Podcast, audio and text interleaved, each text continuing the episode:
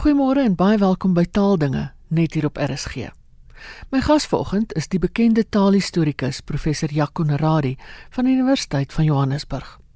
Hy vertel meer oor modale partikels in Afrikaans en in die besonder die wat 'n koi of nama agtergrond het of aanvanklik ontstaan het uit koi.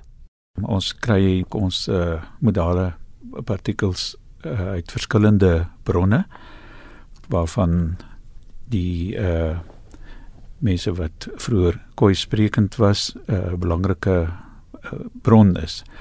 Nou wat is 'n modale partikel? Dit klink 'n uh, bietjie na 'n vreemde term. 'n uh, Partikel beteken eintlik maar net dit is 'n klein woordjie. Baie van hulle is inderdaad woordjies wat uh, andersins ook in die taal bestaan, maar wat verkort is in hulle gebruik, soos 'n uh, mos wat afkomstig is van immers. Modaliteit is iets wat te doen het met houdings. Dit is dus woordjies wat bepaalde houdings uitdruk of verraai kan 'n mens uh miskien sê partykeer is die spreker nie eens bewus van watter uh houdings hy nou verraai nie. Wat die spreker dan mag koester in opsigte van 'n saak wat onder bespreking is of uh die gespreksgenoot uh was teen die agtergrond van bepaalde opvattinge of aannames. Byvoorbeeld as jy vir iemand sê uh, sit maar so lank die boeke op die vloer neer dan sê jy met daardie maar eintlik dat jy die werkswyse afkeer maar dat, dat jy nie op daai oomblik dat daar nie eintlik 'n beter uitweg is nie. Sê jy die pen is nogal duur dan sê jy nie dat dit uh, baie geld kos nie. Jy sê eintlik dat jy verwag het dat dit goedkoper sou wees en nou weet jy ook nie eers of jy bereid is om soveel te betaal nie. So die nogal verraai daardie houding. As jy sê nou ja, nou steek die reënwolke op en jy sê ek het hoeka is ambreel saamgebring, dan wil jy eintlik sê dat wel dit is 'n baie relevante handeling van my gewees om 'n uh, sambreel saam te bring. Ek het vroeër nou al daaraan gedink uh, dat dit dalk uh, kan reën. Dan word dit dit verbind situasies aan mekaar. As jy sê hy is mos onlangs oorlede, dan weet jy nie seker of maak jy voorsiening daarvoor dat die hoorder uh, dit dalk weet en nou ja, nou wil jy nie vir hom iets vertel wat hy reeds weet nie. En beleefdheidshalwe voeg jy dan nou maar die mos in. Professor het alle tale die partikels en waar kom Afrikaans in vandaan? Nou ja, soos uh Nederlands en Duits maar nie Engels nie, het Afrikaans 'n goeie versameling van hierdie soort woorde. Ons sien dit aan die spontane oorname in Engels byvoorbeeld uh van hierdie soort woorde. Paar onlangse uh voorbeelde wat ek gehoor het is you can somewhere just do anything and somewhere put a touch of music to it. of iemand wat vir my 'n aanwysing gegee het, you know mos where of iets op 'n uh, WhatsApp. Thanks told them uh, they must maar wait till the morning.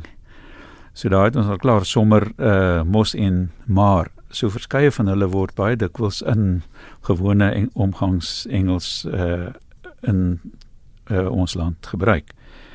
Nou Afrikaans erf baie van hierdie modale partikels van Nederlands uh, gevalle soos tog en nogal en moontlik miskien juis dan eintlik kwansys sommer maar maar ons kry ook 'n aantal as gevolg van die noue kontak met ander tale wat aan die Kaap gepraat is of word. Goeie voorbeelde is kamma uh in al sy wisselforme kastig en kammakastig en kamalilies en baie daarvan uit koi en ook hoeka. Uh hoeka kom uit nama. Ek uh, maak nou nie eintlik 'n onderskeid tussen uh, nama en en koi nie. Die woord hoega uh, wat soos tuka eintlik beteken dit lank gelede van lankal af. Nou die twee woorde beteken uh, dit nog altyd in Afrikaans, maar hoeka het 'n bykomstige betekenis ontwikkel en dit word gebruik om verbande te lê tussen situasies. Dan is die voorbeeld wat ons gehad het van 'n dreigende reënbui en die bring van 'n sambreel. Nou die oorsaak en gevolg blyk baie keer maar uit die situasie self uh eerder as uit die sinsbou. Enetjie wat ek opgeteken het eers uit 'n roman. Iemand praat nou met die arme Evert, uh kan jy nie eerder by jou eie buurmense gaan kuier nie? Dis hoekom tyd dat jy begin vlerk sleep. Hoe moet my nageslag se voortbestaan verseker word as jy nie jou plig doen nie? So die oorsaak en gevolg is duidelik, geen vlerk sleep geen nageslag. Maar die oorsaaklikheid word nie aangedui deur middel van voegwoorde en hoofsinne en bysinne nie dit is tussen die situasies hoe los die verband eintlik is die sintaktiese verband tussen hoeka en uh die res van die sin blyk uit 'n voorbeeld uit 'n boek van EKM uh eh, Dido dit skryf uh, die karakter sê ek wil hoeka begin koop Kersfees is net om die draai Nou daar het ons duidelik die die oorsaak en gevolg. Die feit dat uh, Kersfees naby is is 'n goeie rede om te koop, maar jy kan die hoeka verskuif. Ek wil begin koop Kersfees se hoeka net om te draai. So uh dit maak selfs nie regtig saak uh, in watter deel van die sin uh, die hoeka staan nie, maar hy vervul nog dieselfde uh funksie. Nou ja, as ons gaan kyk na waar die modale partikels vandaan kom, dan is daar miskien meer as een manier om na dit te kyk. Die een is nou natuurlik die regstreekse ja, ontlening aan koi byvoorbeeld, soos in die geval van hoeka en kamma, natuurlik woorde wat geërf word uit Nederlands. Dit is nou wat die woordvorm betref, maar ons moet ook daarmee rekening hou dat die woord se as begrip of sy betekenis miskien 'n ander pad geloop het as die, as die vorm. 'n Voorbeeld daarvan is ons woordjies uh regtig en regtig wat eintlik so uh byna sinoniem is. As ons nou vra waar kom regtig vandaan? Goed, dit is 'n samentrekking van 'n uh, verdubbelde vorm regreg. Dus van die Nederlandse woord regt waar in Afrikaans die die t agterna verlore gegaan het en ons het reduplikasie Nou dit is blykbaar 'n uh, weergawe van 'n uh, koi woord oorspronklik. Ek weet nie wat die woord is nie. Nou word Nederlandse materiaal geneem soos nou reg en verdubbeling vind plaas, reduplikasie wat eintlik 'n woordvormingstegniek is wat veral uit die slawe tale aan die Kaap soos Maleis afkomstig is. Dan sou mens wonder nou waar kom regtig dan vandaan? Baie mense sal dink dat uh, regtig afgelei is van regtig maar niks is verder van die waarheid nie. Regtig kom nie uit Nederlands nie. Nederlands uh, het nie so iets nie maar Duits wat 'n rol gespeel het aan die Kaap het wel so iets soos richtig wat ook hierdie soort betekenis uh, kan hê. Dus vermoedelik het die twee na aan nader aan mekaar gekom reg uh in betekenis uh regtig en uh regtig. Dus wat het ons daar? Ons het 'n uh, begrip wat miskien uh sy pad begin loop het in koi dan het ons Nederlandse materiaal en ons het oosterse morfologie woordbou en verder later uh saamloop met 'n ander Duitse uh leksikale item So die antwoord waar 'n bepaalde medale partikel vandaan kom is nie altyd uh, eenvoudig nie. Nou as ek reg verstaan het die woord mos 'n interessante storie. Mos het ook so 'n gemengde herkoms. Nou waarskynlik nie so ingewikkeld soos uh regtig nie. Maar die woordvorm self is wel, dit is die die gangbare etimologie gedagte van ons gedagte waar die woord vandaan kom is uh, dat dit uit uh, Nederlands uh, immers kom wat ook in uh, Afrikaans natuurlik bestaan. En eintlik maar net 'n logiese uh, verband aandui. Maar die kans is baie goed dat die begrip ook uh, wat later soos mos nou later ontwikkel het eintlik uit koi vandaan uh, kom, maar ek sal uh, later 'n uh, bietjie daarby aansluit. So mos is 'n samentrekking van immers en ons kry inderdaad nog kontekste waar dit byna dieselfde beteken. Voorbeeld wat ek opgeteken het is hy kon mos nie 'n held wees as hy nie avonture beleef het nie. Daar kon 'n mens nie mos vervang het met immers. Hy kon immers nie 'n held wees as hy nie avonture beleef het nie. Maar selfs hier is daar al 'n verskil want met mos gaan dit nie net om 'n blote logiese afleiding nie, dit is asof die spreker uh, sy logika wil toets aan die hoorder se mening. Nou ja, probeer ons om 'n betekenis uh, toe te ken of 'n funksie wat ook al aan mos, dan is dit duidelik dat daar 'n hele klompie moontlikhede is. Ek wil graag glo hulle hang almal saam met een grondbetekenis, maar dit is baie moeilik om vas te stel wat wat dit sou wees, maar net om nou voorbeelde te noem uit verskillende werke aangehaal. Ons gebruik dit doodgewoon om kennis mee te deel. Irene praat van kleins af mos hondetaal dit is nou duidelik iemand wat inligting aan iemand anders verstrek wat uh, die persoon nou nie geweet het nie. Of vir die toets van inligting FS was mos betrokke by 'n grondeis nie waar nie? Of gedeelde kennis. Ons maak voorsiening daarvoor dat 'n uh, mens in 'n uh, gemeenskap van taalgebruikers is wat sekere kennis deel met on, onder meer uh, vaste uitdrukkings en idiome. So nou kry mense sinnetjies soos hulle sê mos onkruid vergaan nie. So duidelik uh wil die spreker 'n bekende uitdrukking in 'n bepaalde situasie nou net weer gebruik. Partykeer het dit te doen met 'n bepaalde gevoeligheid vir 'n situasie. Uh sy is nou regtig verleë oor haar reaksie en waarom weet sy nie presies nie. Dit het mos niks met haar te maak nie. So ek uh, kom later by 'n voorbeeld wat dit miskien uh, duideliker sal maak. Of dit word gebruik in 'n met 'n verskonende houding. Hy moes mos wegkom uit die armheid. Dis duidelik maak iemand 'n uh, verskoning oor armoede. Dit kan te maak hê met solidariteit.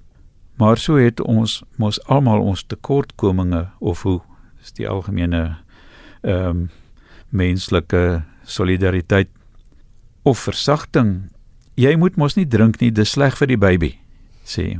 En dan wel, ek het nou al iets gesê oor gedeelde inligting, maar daar's ook 'n gedeelde uh etiek, gedeelde uh reëls waaraan 'n bepaalde samelewing hulle hou.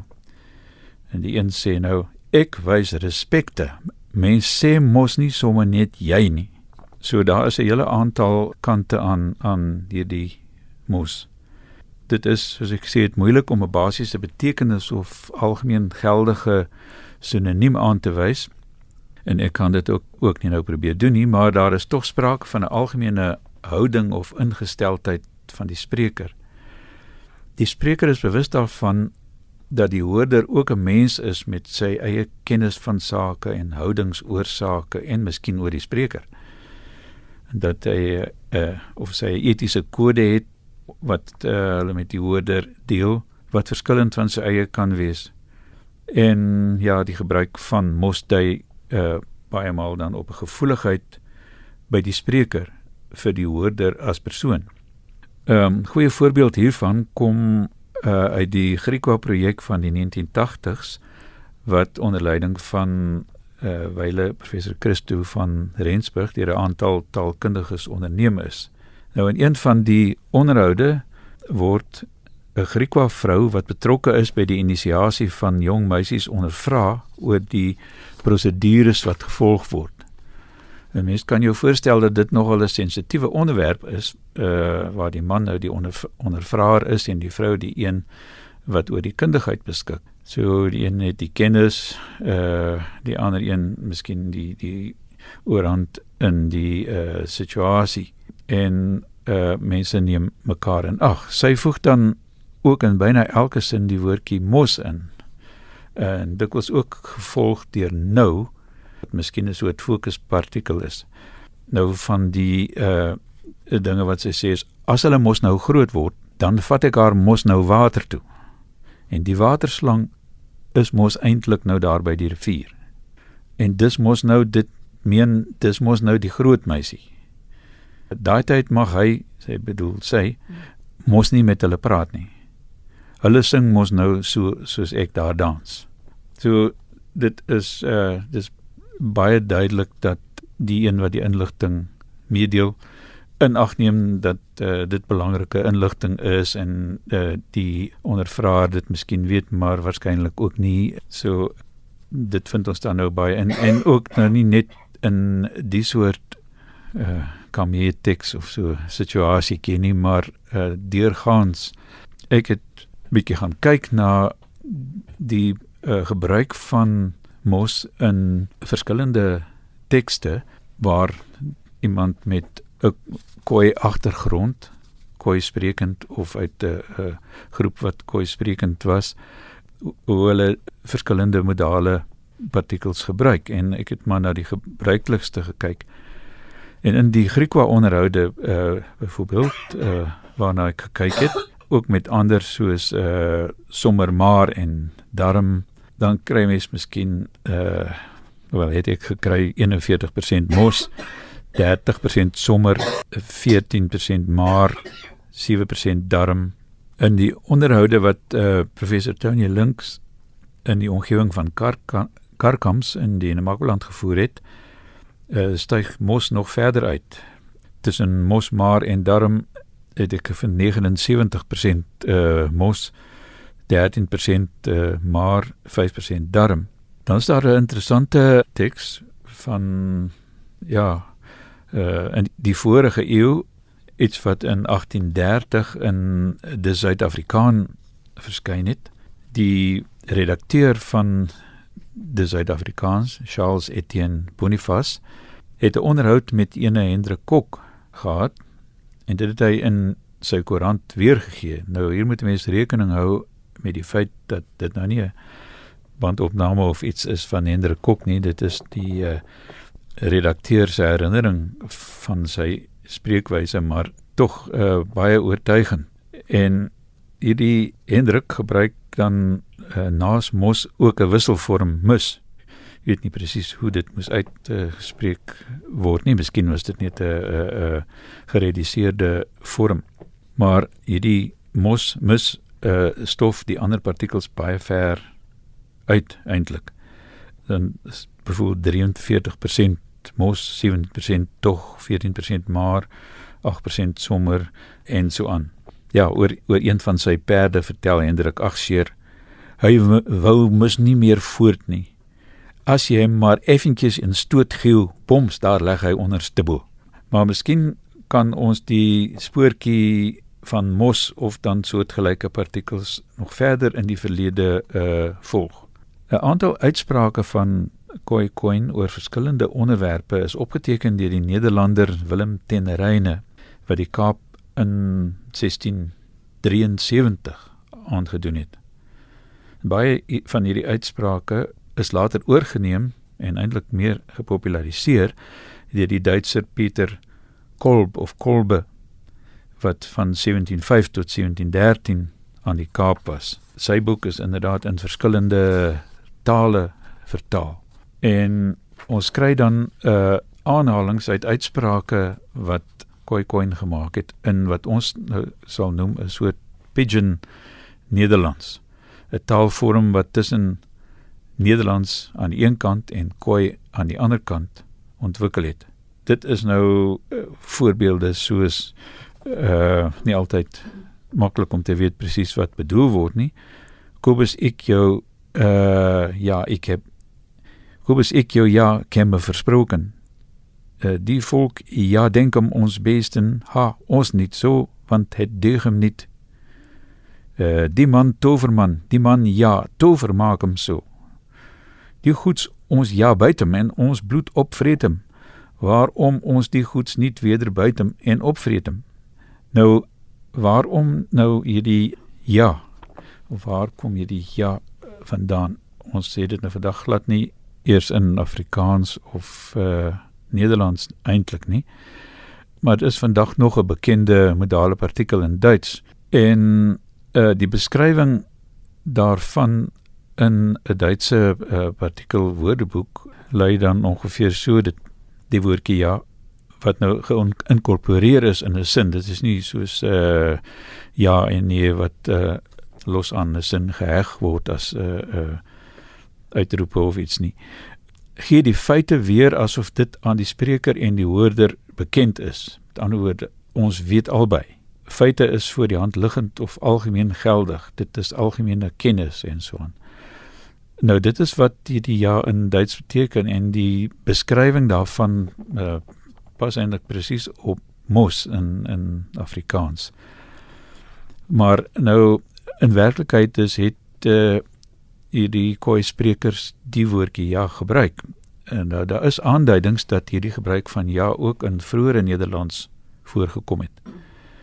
Die groot woordeboek van die Nederlandse taal WNT wys daarop dat ja soms in die sinsverband ingevoeg word in die betekenis immers tog en voorwaar.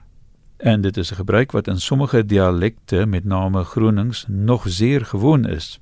Uh dis die ja wat gebruik word in die aanhalings is inderdaad ook vroeër in Nederlands gebruik en kon dus aan die Kaap uh bekend gewees het as 'n partikel.